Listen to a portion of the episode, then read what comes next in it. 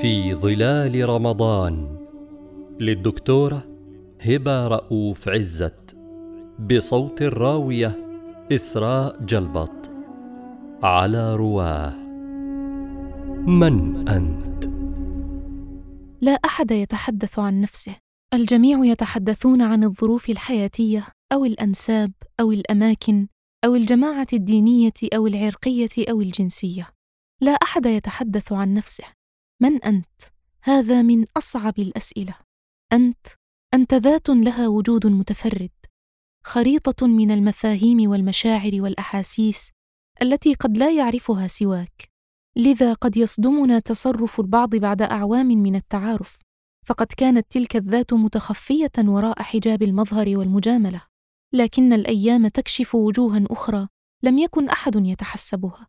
تكشف طبيعتها المواقف والأزمات.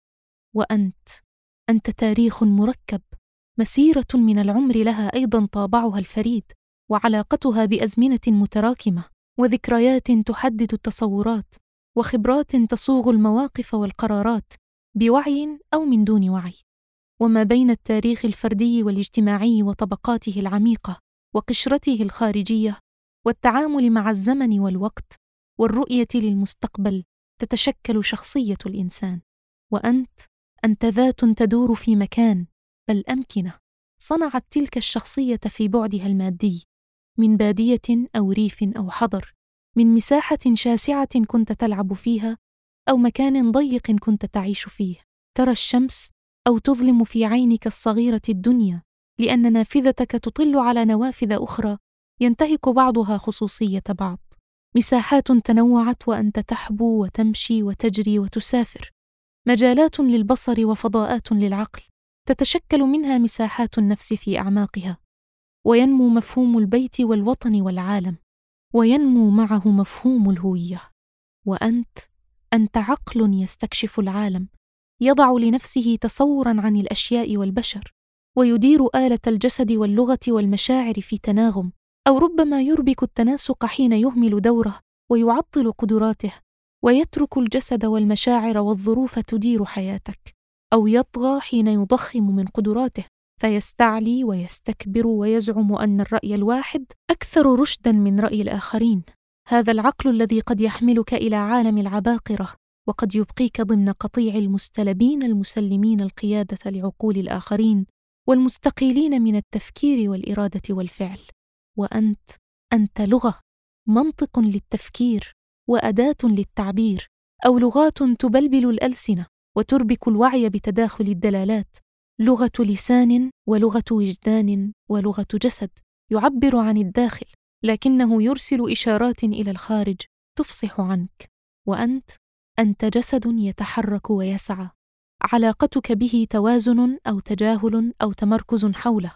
وهو تعبير عن مفاهيم ووعي. وذاكرة وتاريخ. كيف تسكن في هذا الجسد وماذا تفعل به؟ وأنت أنت كتلة من المشاعر تنقسم حول تركيبها أنماط من الشخصيات. بعضها بارد وبعضها متدفق دافئ. بعضها نفعي أناني بخيل وبعضها مفرط في الكرم والعطاء. ما مشاعرك تجاه نفسك اولا؟ وهل تحب هذه النفس لتنطلق بها إلى العالم؟ أم تحبها وتكره العالم؟ أم تكرهها وتدمر العالم؟ ذاتك العاطفية هي القلب النابض فيك.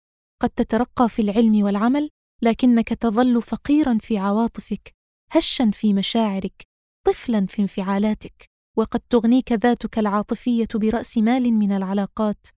يعوضك عن قلة المال أو فقر الأمكنة. وأنت انت عضو في مؤسسات من الأسرة إلى مكان الدراسة أو العمل إلى النادي والمسجد والنقابة والدولة. ذاتك تشكل هذه المؤسسات لأنك طرف فاعل فيها لكنها أيضا تعيد تشكيلك من الأسرة التي تقوم بغرس المفاهيم إلى المدرسة التي قد تكرسها أو تزرع مكانها مفاهيم أخرى بديلة أو معارضة إلى المسجد الذي قد يحملك إلى السماء أو يبقيك في الصف بين الناس جسدا بلا روح. إلى القبيلة التي تدخلك في زمرتها أو المذهب الذي يمنحك قوة التضامن أو يحرمك حرية التفكير المستقل إلى الدولة التي تحدد لك في أحيان كثيرة حركتك ورؤيتك ومجالات مشاركتك أو تمنعك. هذا كله وتطلب منك الطاعة والولاء. وأنت؟ أنت كائن له علاقة بالغيب. هل تؤمن به أم تتجاهله؟ هل تدخله في حساباتك مع ذاتك أم تكتفي برمزيته في حياتك من دون أن يدل الرمز على جوهر؟ هل تحوله إلى طاقة خلاص لك وحدك فتدور به حول كعبة أنانيتك؟ أم تجعله طاقة تطلقها في الكون لتسير في مدارات الخلق وتغير به العالم؟ وأنت أنت ذات تناضل اليوم في عالم يموج بالآلات ضوضاء صوتها ووتيرة سرعتها تفقدك عقلا وروحا وجسدا وقدرتك على التقاط أنفاسك وتصبح الآلة هي الوسيط بينك وبين العالم. وحجابا جديدا على الذات يربك من حولك ويجعل محاولة فهم الذات وفهم العالم. أصعب. المعلوماتية في حد ذاتها لا تقدم رؤية إلى العالم. ولو نزلت في محيطها توشك أن تغرق. ذاتك المتماسكة هي قارب النجاة. ووعيك بهذه الذات هو الذي يرشدك. فأنت لا تتحقق ولا تكون بمحض آلات تستخدمها فتستخدمك.